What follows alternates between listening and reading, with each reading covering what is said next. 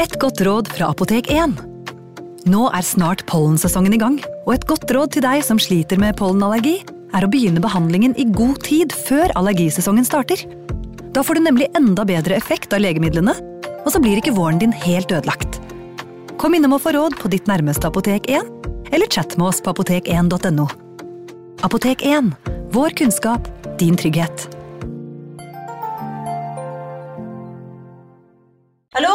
Jeg kommer fra Oslo politikammer. Ine Jansen er purk. Er du purk? The motherfucking bitch. Alt jeg vil, er å finne ut hva som skjedde med mannen min. Jon Carew. Er jeg sikta for noe? Iben Akeli. Det er du. Ole So, Lars Berrum og Big Daddy Karsten. Hvem sin side er du på, egentlig? Anette Hoff, Tone Danielsen, Kommer du fra Afrika?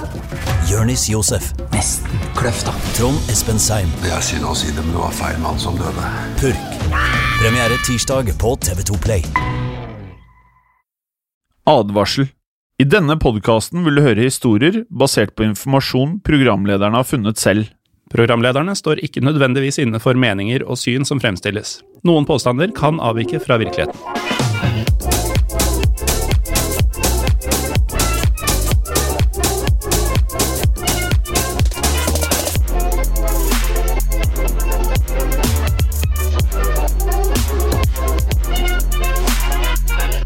Hei og velkommen til en splitter ny episode av uh, Historiepodden. Mitt navn er som alltid Jim Fosheim.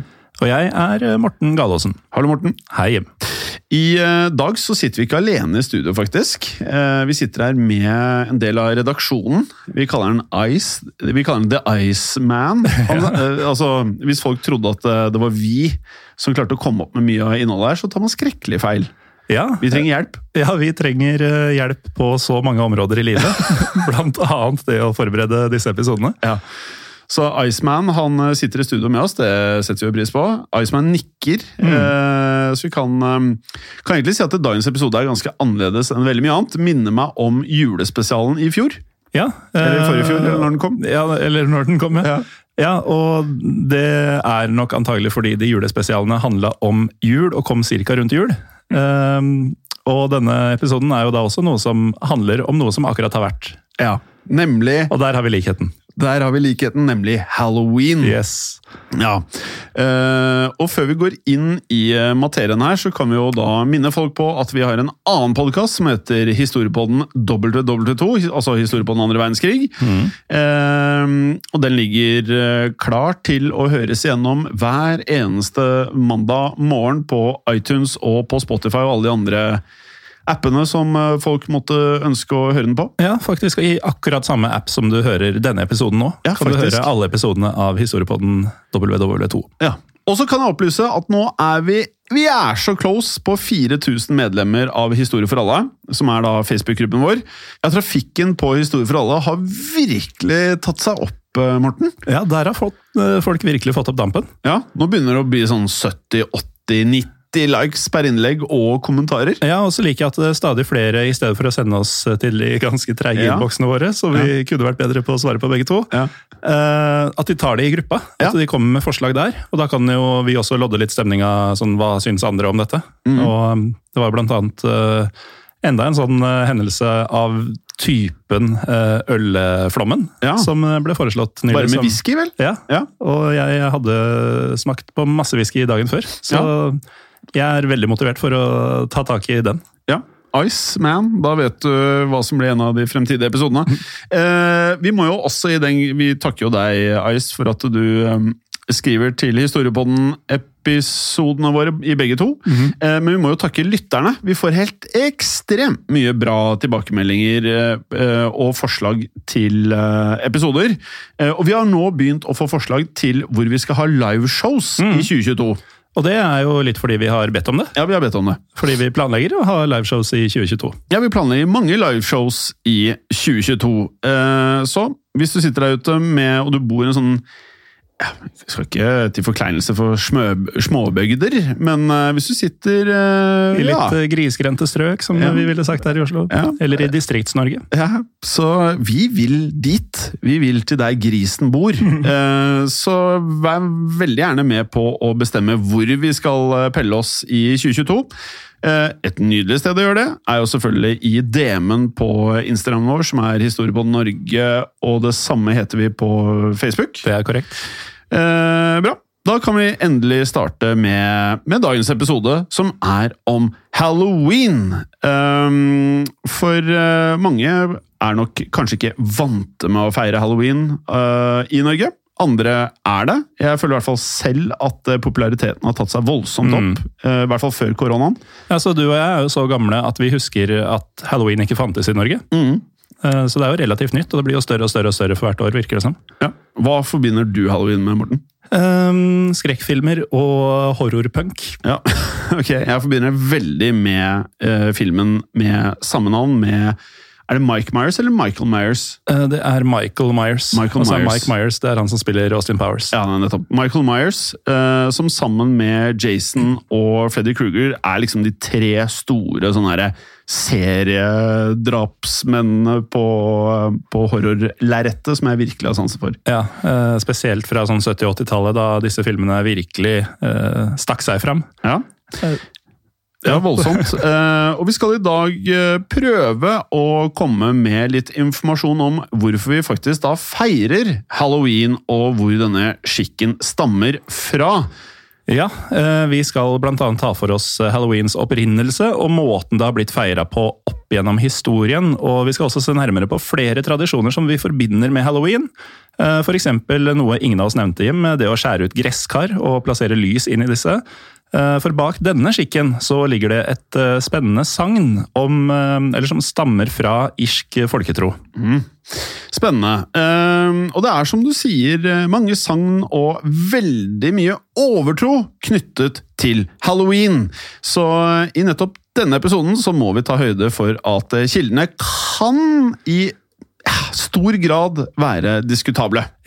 Men uh, vi gjør det beste ut av det. Ja, vi gjør det beste ut av det, men uh, mange lurer nok på hvor navnet halloween stammer fra, og det skal vi jo selvfølgelig komme til. Men først, hvor var det det hele startet?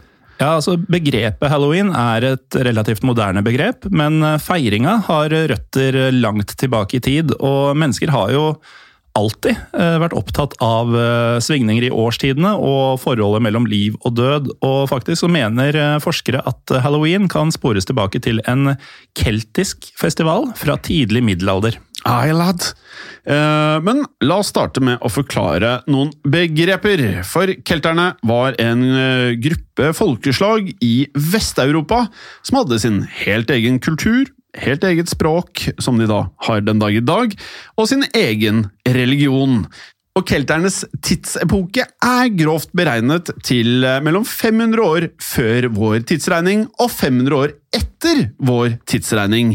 Eh, Og de første keltiske folkene de levde både på fastlandet og på det vi i dag kjenner som de britiske øyer. Kan jeg komme med en liten digresjon eh, nå, Jim? Helst ikke, men gjør det. Jeg gjør det.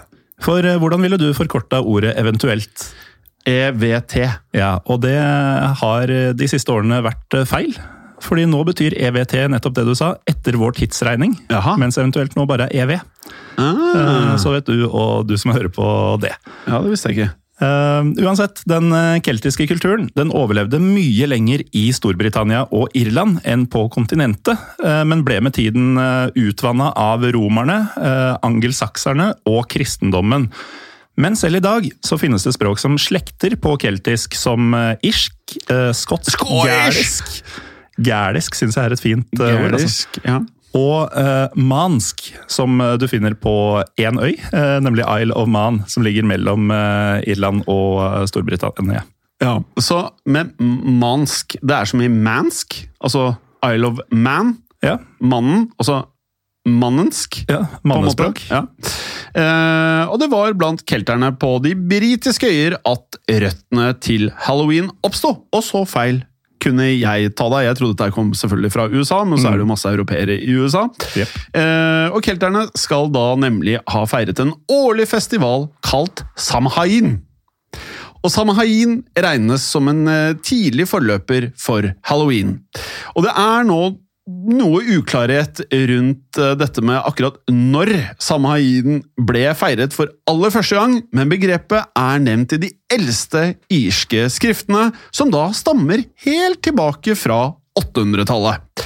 Historikere tror imidlertid at samain var en betraktelig eldre tradisjon, for eh, det finnes som sagt eh, ingen eldre nedtegnelser. Nei, eh, men det samhain var, da, det var eh, noe som markerte skillet mellom innhøstinga og den mørke vintertida.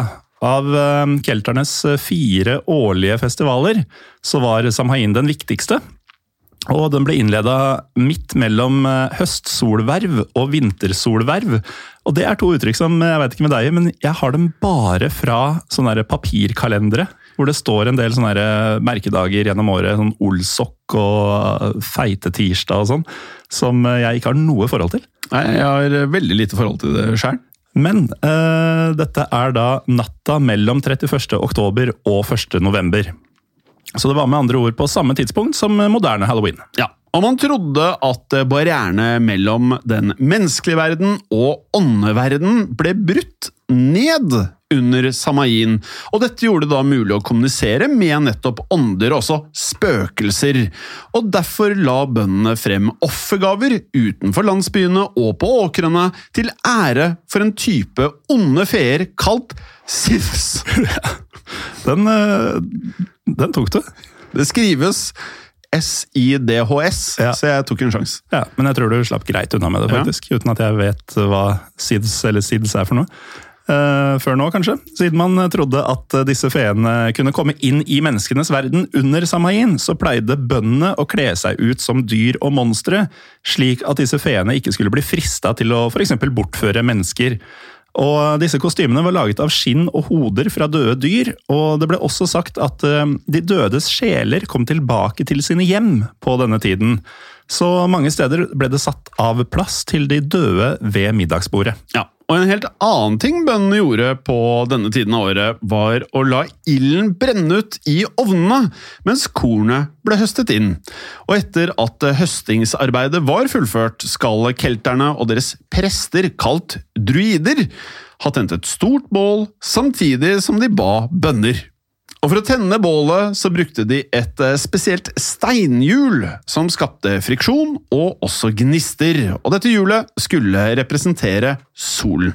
Og Deretter så ble storfe ofra, og bøndene tok med ild fra bålet på en fakkel til hjemmene sine for å tenne ilden i ovnene som da hadde brent ut.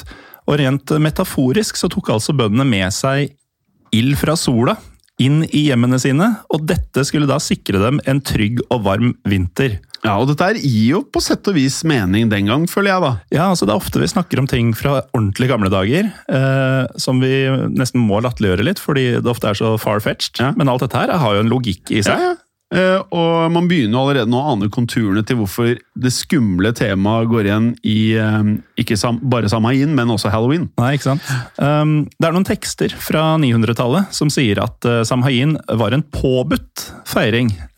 Som da, sånn jeg tolker det, er at det var straffbart å ikke feire samhain.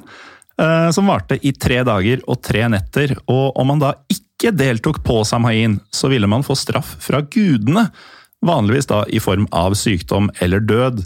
Og Noen skrifter hevder at eh, samhain kunne vare i seks dager med drikking av mjød eller øl. Eh, I tillegg da til store etegilder der folk fråtsa i mat. Seks dager med hard festing. Ja, altså, det er en stund siden du og jeg eh, kunne overleve en seks dager. Huh, nå er én dag mye. Uh, uansett, det var også et eh, militært aspekt ved Samain i Irland, der militæroffiserer fikk sitte på spesielle festtroner under nettopp denne festivalen. Det var dessuten slik at alle som begikk en forbrytelse eller brukte våpnene sine under feiringen, satte seg selv i fare for å bli dømt til døden, faktisk. Så var det en del ganske harde krav her, da. Ja, det, Eh, det, det var en Nådeløs feiring. veldig viktig feiring, dette er åpenbart. Eh, Det fantes en rekke overnaturlige vesener eh, og sagn og folkeeventyr knytta til Samain-feiringa. Et eksempel på dette er Lady Gwyn. En hodeløs kvinne kledd i hvitt som jaga folk som vandra nattestid. Og hun var da ledsaget av noe ikke så skummelt, egentlig. En svart gris. Den hodeløse kvinnen er verre enn den svarte grisen, tenker Ja, ja. jeg. Uh, og det fantes også hodeløse menn. Uh, Stadig flere utover kvelden hvis de drakk i seks dager, tenker jeg. Eh, Men disse hodeløse mennene vi snakker om her, ble kalt Dullahan, eh, som holdt hodene sine mens de red på hester, som hadde flammer ut av øynene. Og da tenker jeg Sleepy Hollow. jeg mener. Ja. Dette her er jo, dette her er jo veldig skummelt, da. Ja, og det var det. Fordi om man så Lady Gwyn eller Dullahan under Samain, så var det et tegn på at man skulle dø. Tenk deg når du har festa i seks dager, Morten, da, og du, når noen begynner å erte deg litt og sikkert prøver å få deg til å hallusinere ting eller innbille deg ting, så du kan jo gå på en del smeller, vil jeg tro. Ja, øh, det derre knask eller knep-greiene. Det kunne komme noen ordentlig grusomme knep øh, der, tror jeg. Eh, uansett, alle disse historiene og skikkene stammet som sagt fra keltisk folketro og religion. Men etter hvert så smeltet samain og romerske tradisjoner sammen til ett. Og fra år 43 så var kelterne nemlig underlagt romersk styre, og slik fortsatte det i ca. 400 år. Og romerne de pleide hvert eneste år å lage en fest til ære for Pomona, den romerske gudinnen for frukt og for trær. Pomonas symbol det var et eple, og i keltisk religion var et eple et symbol for fertilitet og også overflod. Og dermed ble Pomonas fest tatt inn i kelternes samain-feiring. Og det ble grunnlaget for en skikk som har overlevd helt fram til våre dager. I eh, Storbritannia og USA så kaltes denne skikken for um, apple ducking, eller apple bobbing. Og den går ut på at man fyller et stort kar med vann og putter epler oppi. Dette tror jeg de fleste har sett i enten en film eller serie opp igjennom. Uh, og da skal deltakerne da prøve å gripe tak i disse flytende eplene med bare tennene, Ja. og løfte eplet ut av karet. Og tradisjonelt så var det kun ugifte mennesker som deltok i appleducking eller applebobbing. Så vi kunne applebobbet. Vi kunne applebobba til kuene kom hjem, tror jeg. Uh, og den første da, som klarte å bite i et eple og røske dette eplet ut av karet med bare tenna, skulle bli gift først. Ja. ja, vi kan jo teste det en dag, da, Morten. Det er jo ikke så unaturlig, det, til neste års halloweenfeiring. Eh, som vi nevnte i sted, så ble Samain altså feiret med romersk påvirkning fra år 43 og videre, da. Men på samme tid vokste en ny, stor religion frem, nemlig kristendommen. Og i år 380 så ble kristendommen statsreligion i Romerriket, og dette skulle da få konsekvenser, selvfølgelig, for Samain. Ja, for ikke overraskende så ønska de kristne å fjerne hedenske, altså ikke-kristne, skikker til fordel for sine egne høytidsdager. Så for så måtte feiringer som var viet til ånder og døden erstattes, og en av disse var den romerske festen Lemuria, som handla om å ofre mat til onde ånder for å fjerne dem fra menneskenes hus og hjem. Og Lemuria det hadde blitt feiret hver 13. mai, men i år 609 så etablerte pave Bonifatius 4. en ny katolsk festdag på akkurat denne datoen. Og festdagen den var viet alle kristne martyrer og ble kalt Allehelgensdag. Det er i dag en utbredt oppfatning at eh, kirken også forsøkte å erstatte Samain med en lignende kirkelig høytid. Engelske bispedømmer flyttet nemlig allehelgensdag til 1. november, altså samtidig som Samain. Og i år 731 så valgte pave Gregorius 3. å gjøre det samme for hele den kristne verden. Han flyttet nemlig allehelgensdag fra 13. mai til 1. november. Og dagen har helt siden den gang blitt feiret på denne tiden av året. Ja, og i år eh, 1000 blank så gjorde den engelske kirken 2. november til det de kalte All Souls' Day. En dag for å hedre de døde. Og dette var enda et eksempel på at gamle skikker fikk en kristen innpakning. All Souls' Day ble nemlig feiret på samme måte som Samain, med store bål og parader. Men i stedet for å kle seg ut som monstre med dyreskinn, så kledde man seg ut som helgener, engler og djevler. Ja, det er jo alt. Det er verdt å nevne at i Storbritannia ble allehelgensdag kalt All Hollows, eller All Hollow Mass. Dette kan på norsk oversettes til Allehelgeners messe.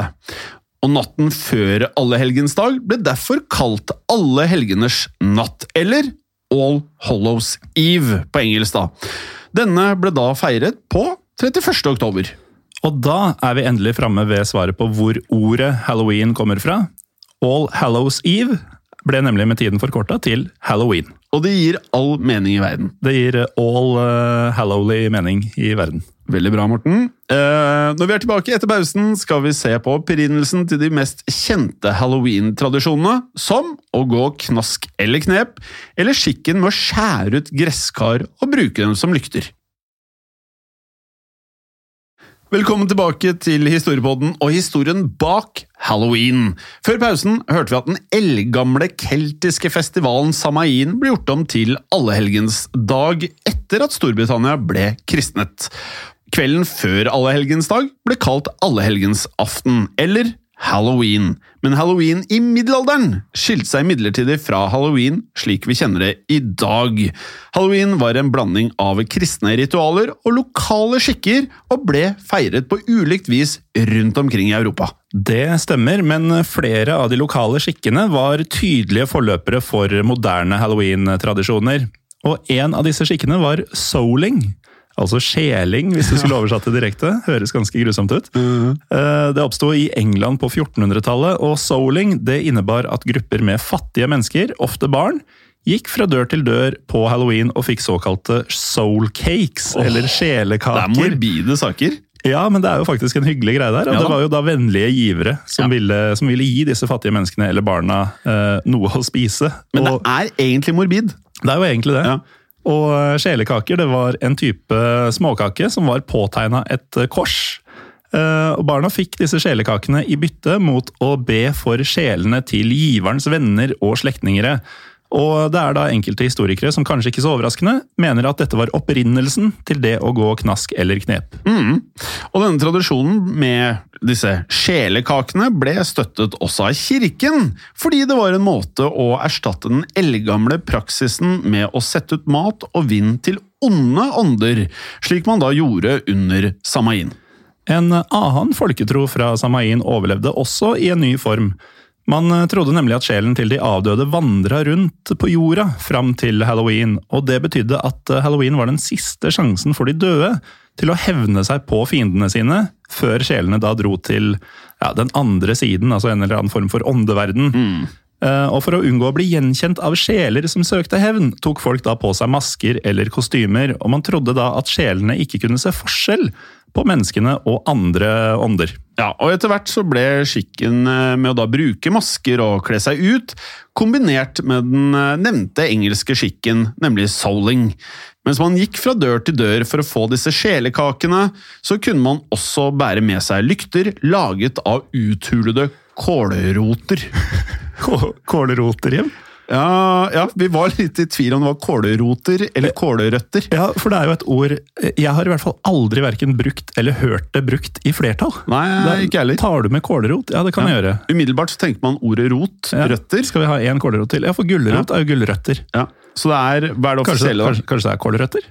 Ja, Hva er det offisielle? Vi må bare sjekke. Det er vel, det må jo være kålrøtter? Ja, det må jo være kålrøtter. Uh, uansett, det blir antydet at disse lyktene symboliserte de dødes sjeler. Og nå begynner det i hvert fall å bli morbid. Ja, uh, og så er det jo da dette Jeg tror mange av de som hørte på, tenkte når du snakka om at man kunne bære med seg lykter laget av uthulede, at de ja. venta på gresskar. Men det var altså kålrot ja, i flertall som, eh, som, ble brukt her. Og denne skikken med å lage lykter av grønnsaker, den har jo overlevd helt til våre dager.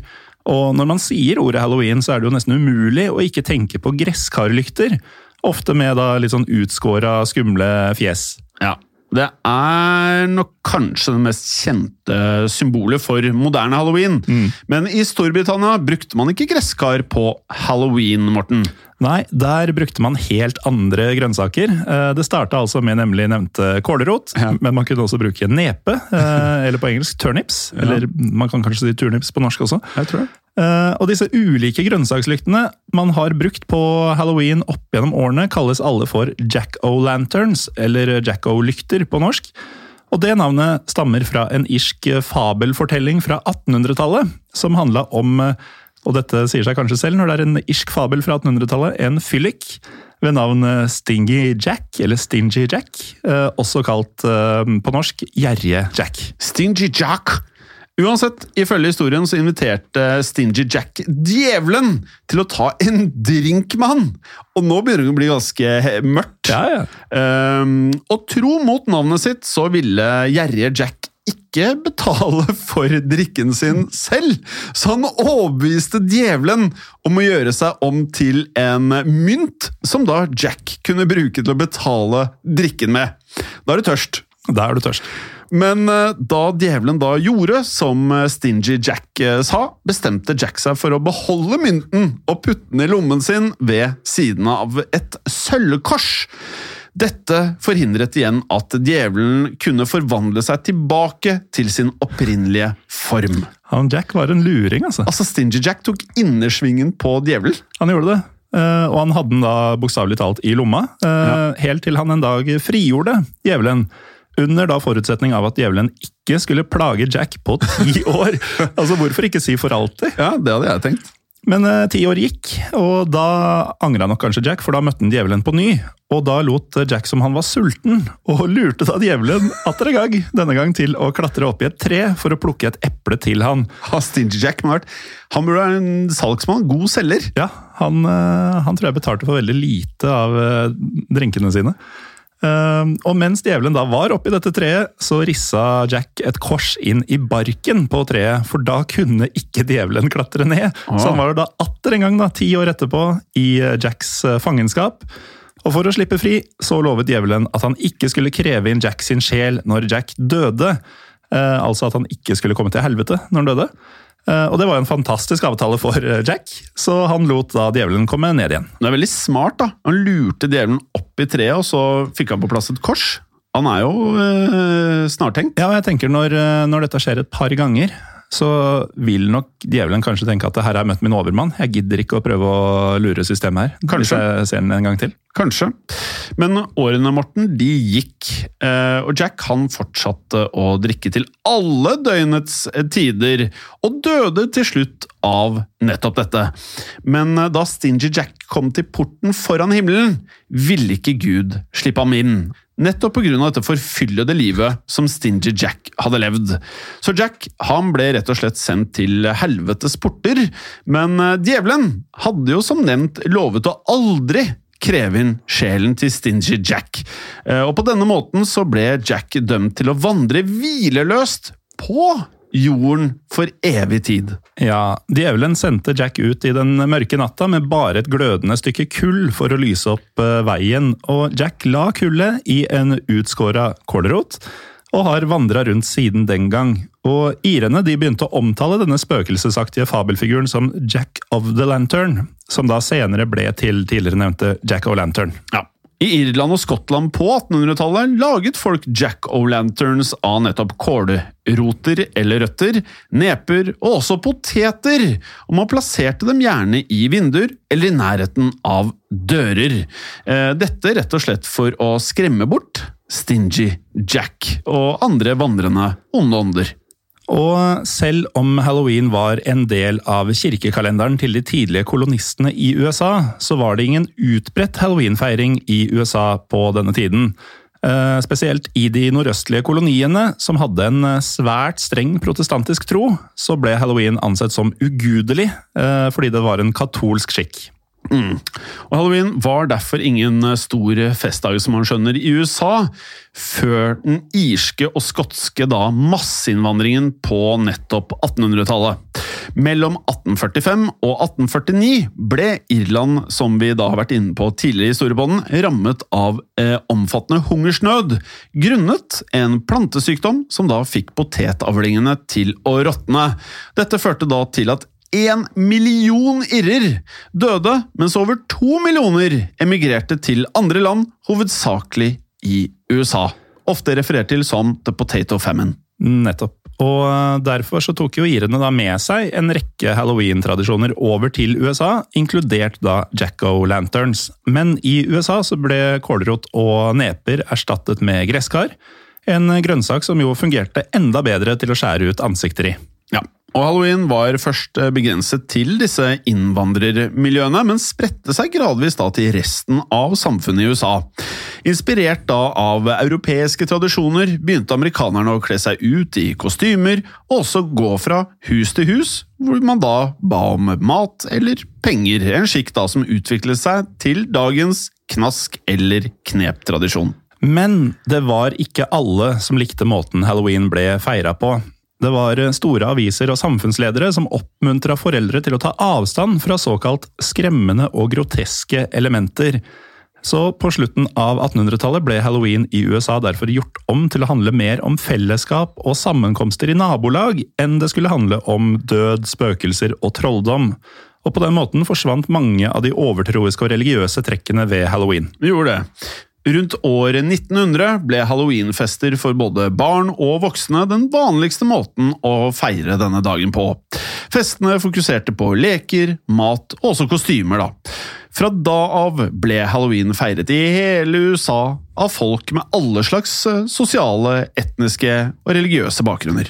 Men det er et stort men her, for parallelt med denne utviklinga mot en mer uskyldig halloweenfeiring, skjedde en annen og mye, mye mørkere utvikling. Det var nemlig slik at halloween også var forbundet med vandalisme og vold. Og denne tradisjonen stammet også fra Skottland og Irland. Det starta ganske uskyldig med at unge gutter dro kålhoder ikke kålrøtter eller kålroter, men kålhoder denne gangen. Ja. Bundet til en tråd gjennom åkrene for å skremme intetanende bønder. Guttene, Som høres litt gøy ut. Det høres jo gøy og egentlig ganske uskyldig ut. Ja. Uh, og Noe annet disse guttene kunne finne på å gjøre, var å koke kål og stappe bladene inn i nøkkelhull. Sånn at, som også høres gøy ut. Ja, uh, Som da førte til at det begynte å lukte litt i disse ja, husene. Som høres gøy ut. Men Morten, eh, man, eh, nå har jo du pratet om noe som høres ut som litt sånn uskyldig guttestreker, ja. spør meg. da. Ja, Litt sånn skøyeraktig. Ja, Som jeg kanskje kunne funnet på sjøl da jeg var en liten eh, tass. Eh, men i USA så tok man, som man ofte gjør i USA, eh, ting til et nytt nivå. Ja, det, det, vokser liksom litt uh, ut av kontroll etter hvert? Ja, alt blir større der. Uh, og på den amerikanske landsbygda Uh, der skjedde det ting. Der var det blant annet vanlig å plassere vogner og husdyr på taket av låven!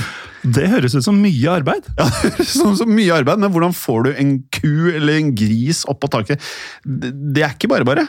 Nei, og du hadde jo ikke de der gaffeltruck-traktorvariantene sikkert på den tida? Nei, tror ikke det. Eh, man rev også opp eh, grønnsaker med røttene, som mm. er det mest uskyldige av disse tingene vi skal nevne. Ja, for så vidt, men det, jo, det går jo ordentlig utover eh, avlinga, da. Jo, jo.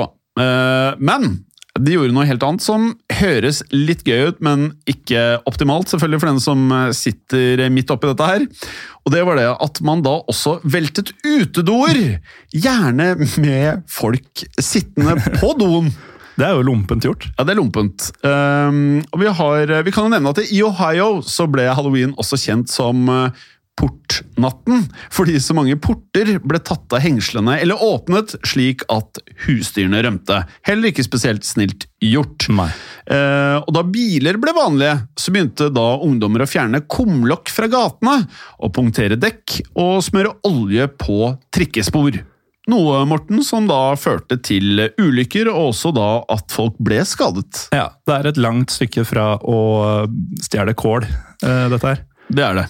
Uh, og naturligvis så reagerte etter hvert storsamfunnet på disse hendelsene. Så etter en bølge av denne type vandalisme i 1902 så skrev avisa Cook County Herald i Illinois følgende. De fleste liker en spøk ved passende anledninger, men når eiendom blir skadet eller ødelagt, er det på tide å stoppe. Vi vil råde leserne til å lade muskettene eller kanonene sine med stein, salt eller småhagl. Og når inntrengerne invaderer eiendommen din for å gjøre ugagn, pepre dem godt og skikkelig, slik at de blir effektivt kurert og ikke lenger kjenner lyst for slike rampestreker. Det her kan jeg like. Det er jo ganske Pepre dem godt og skikkelig. ja.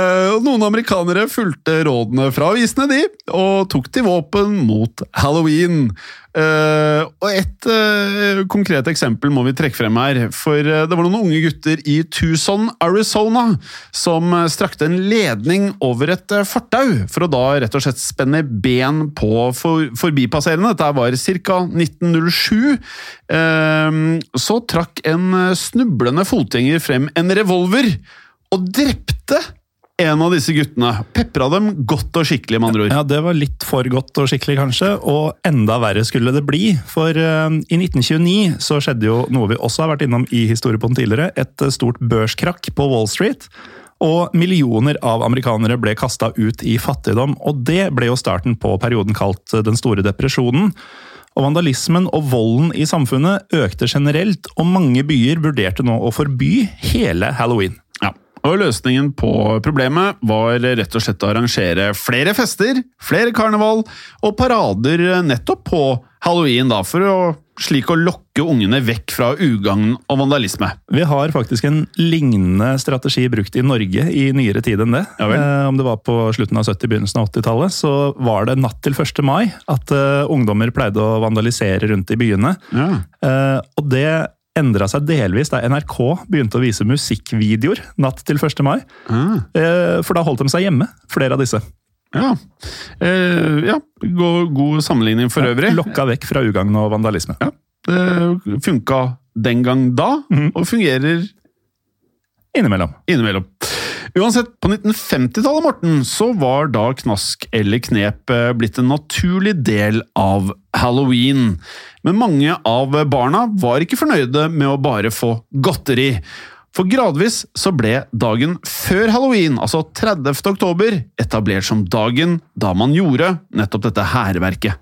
Ja, Som regel var det snakk om mindre alvorlige hendelser, som at eh, ungdom kasta egg på hus, eller smurte inn vinduer med såpe, eller eh, klassikeren TP, altså kaste dopapir opp i trær. Og det kan jeg like. Den er fin.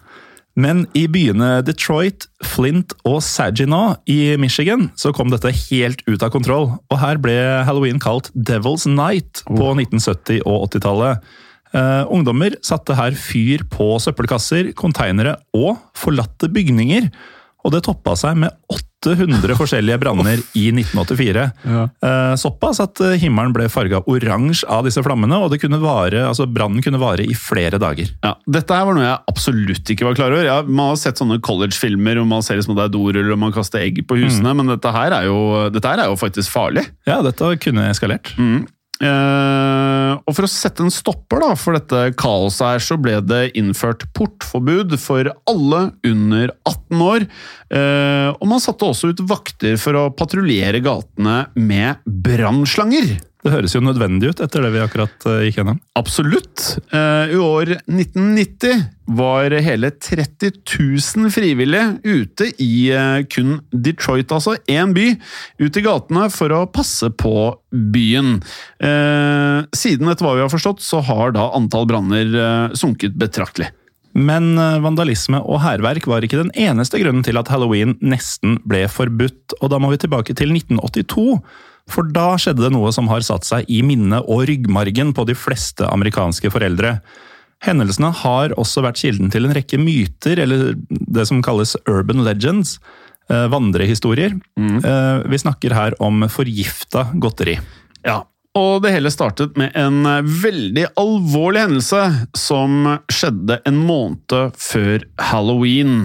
I Chicago hadde nemlig noen åpnet eh, flere pakker med det smertestillende middelet Tylenol, og penslet tablettene med giften cyanid. Og cyanid, eh, hvis man har hørt litt på historiepodden og historiepodden andre verdenskrig, du vet hva det gjør med deg. Ja, da går man eh, ned for telling, og man forlater kanskje denne verden. Eh, og syv personer døde da av forgiftning som et resultat av dette.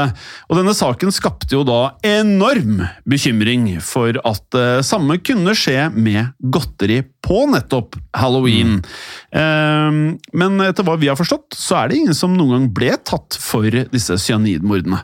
Nei, og man hadde lenge frykta at eh, folk med onde hensikter kunne dele ut gift til barna på halloween, men det var jo ikke før etter disse Tylenol-mordene at det virkelig ble en stor mediesak. For da kom det flere ubehagelige meldinger.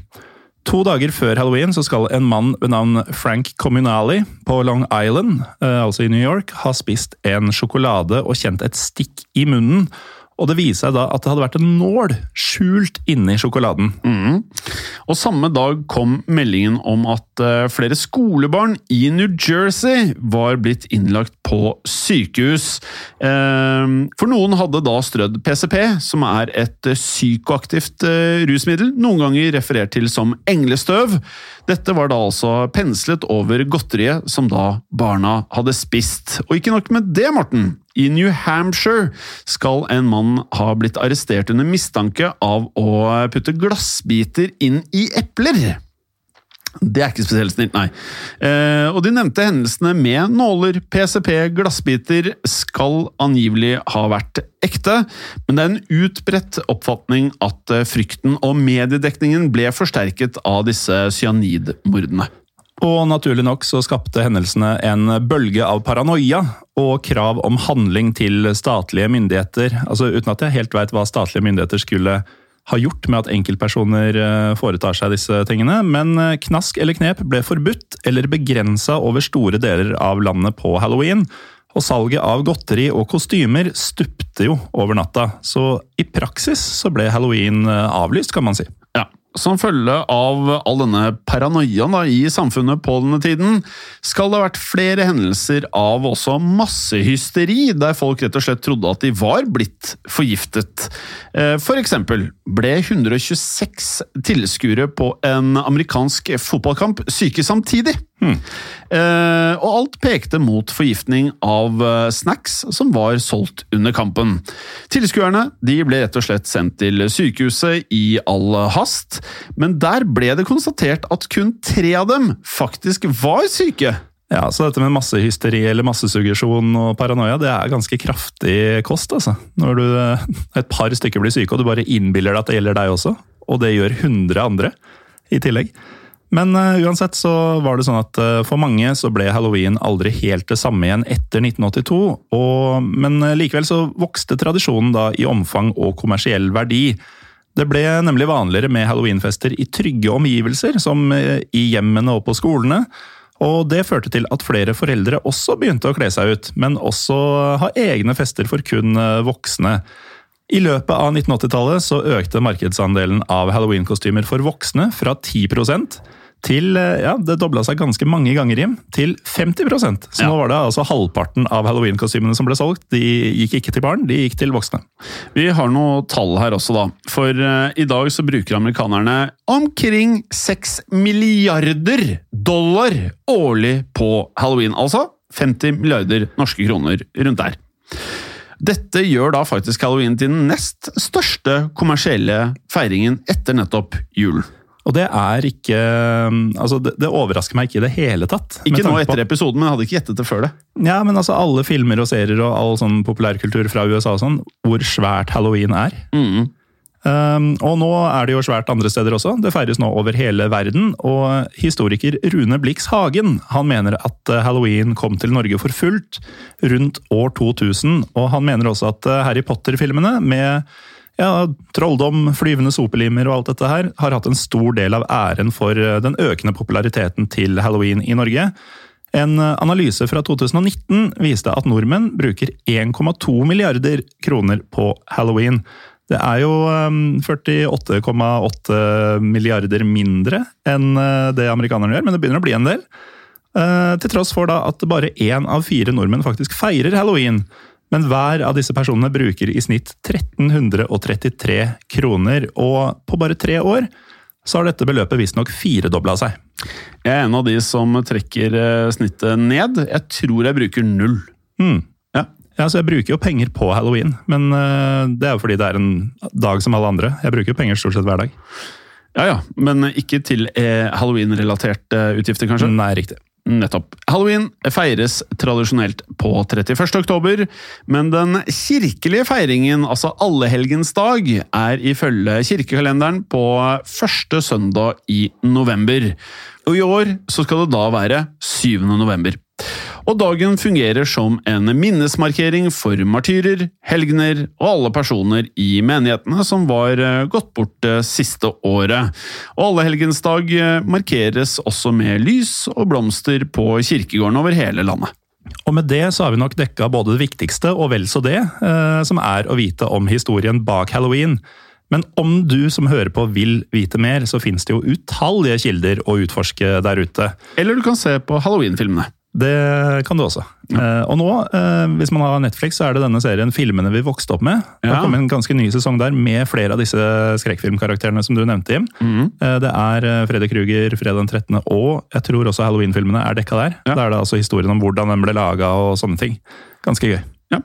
Et premiss selvfølgelig er at det er mye ungdommer som aner fred og ingen fare, og så kommer en av disse gutta og tar deg. Ja, Og det gjør de da gjerne i seks, sju, åtte, ti oppfølgere. Og igjen. Og igjen. Eh, med det, følg oss veldig gjerne på eh, Facebook. Igjen, eh, gruppen vår nærmer seg 4000 medlemmer. Eh, Historie for alle heter den. Du kan rate oss på iTunes. Vi har, ja vi rundet faktisk, jeg sjekket det før innspilling i dag, 2200 ratinger på vanlig historiebånd. Ja. Um, og så har vi nå Vi er ikke langt unna 500 ratinger på historiepodden andre verdenskrig. Og jeg kan nå opplyse at eh, vi hadde vår aller beste måned noen gang i antall unike lyttere av Historiepodden andre verdenskrig, og antall streams på Historiepodden andre verdenskrig. Så tro det eller ei, så begynner det å nærme seg vanlig Historiepodden. Oi. Ja, da, må, da må vi som lager vanlige Storepotten skjerpe oss litt, så vi ikke blir tatt igjen av disse jyplingene Vi må opp i ringa. Vi må få Iceman til å skrive saftigere og saftigere episoder. Eh, men det, folkens, så eh, takker vi for at dere ville høre på oss. Vi gjør det. Og vi sier da som vanlig at eh, det har skjedd. Og det kan skje igjen Ja, Det skjedde faktisk i går for mange. Eller for to dager siden. for noen. Mm. Ha det godt. Ha det. I produksjonen av Historiepodden så ønsker vi å takke Håkon Bråten for lyd og musikk. Takk til Felix Hernes for produksjon. Takk til Ellen Froktenestad for tekst og manus. Og takk til deg, Morten Galesen, for programlederrolle. Og takk til deg, Jim Fosheim, for programlederrolle.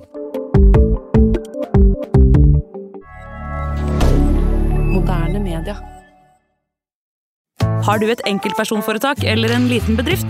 Da er du sikkert lei av å høre meg snakke om hvor enkelt det er med kvitteringer og bilag i fiken, så vi eh, gir oss her, vi. Fordi vi liker enkelt. Fiken superenkelt regnskap. Hei, og takk for at du lytter til Historiepodden. Skulle du ønske at du kunne høre en ny episode av Historiepodden hver eneste uke? Vel, da er det én ting å gjøre. Da kan du laste ned podkastappen Untold med det samme. For i tillegg til ukentlige episoder av podkaster som Historiepodden andre verdenskrig, Henrettelsespodden og også Gangsterpodden, så får du masse annet reklamefritt og også eksklusivt innhold. Last ned Untold i AppStore eller Google Play og start din 30 dagers gratis prøveperiode allerede i dag.